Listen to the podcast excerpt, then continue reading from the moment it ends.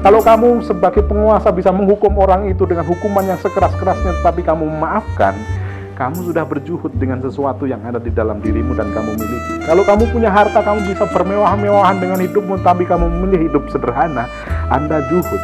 Makanya dikatakan orang-orang yang juhud, orang-orang yang hanya memakan sesuai dengan cakupan yang dia mampu dari tangannya, itu akan disaksikan oleh Pak Arad akan mengatakan, Sola alaiya, mereka itu sholat di atas diriku. Soma wahaja wajahada, mereka berpuasa, mereka haji, mereka berjuang, berjihad. Fayahrahul mu'min wa zahid karena itu orang-orang mukmin bergembira dan orang-orang zahid.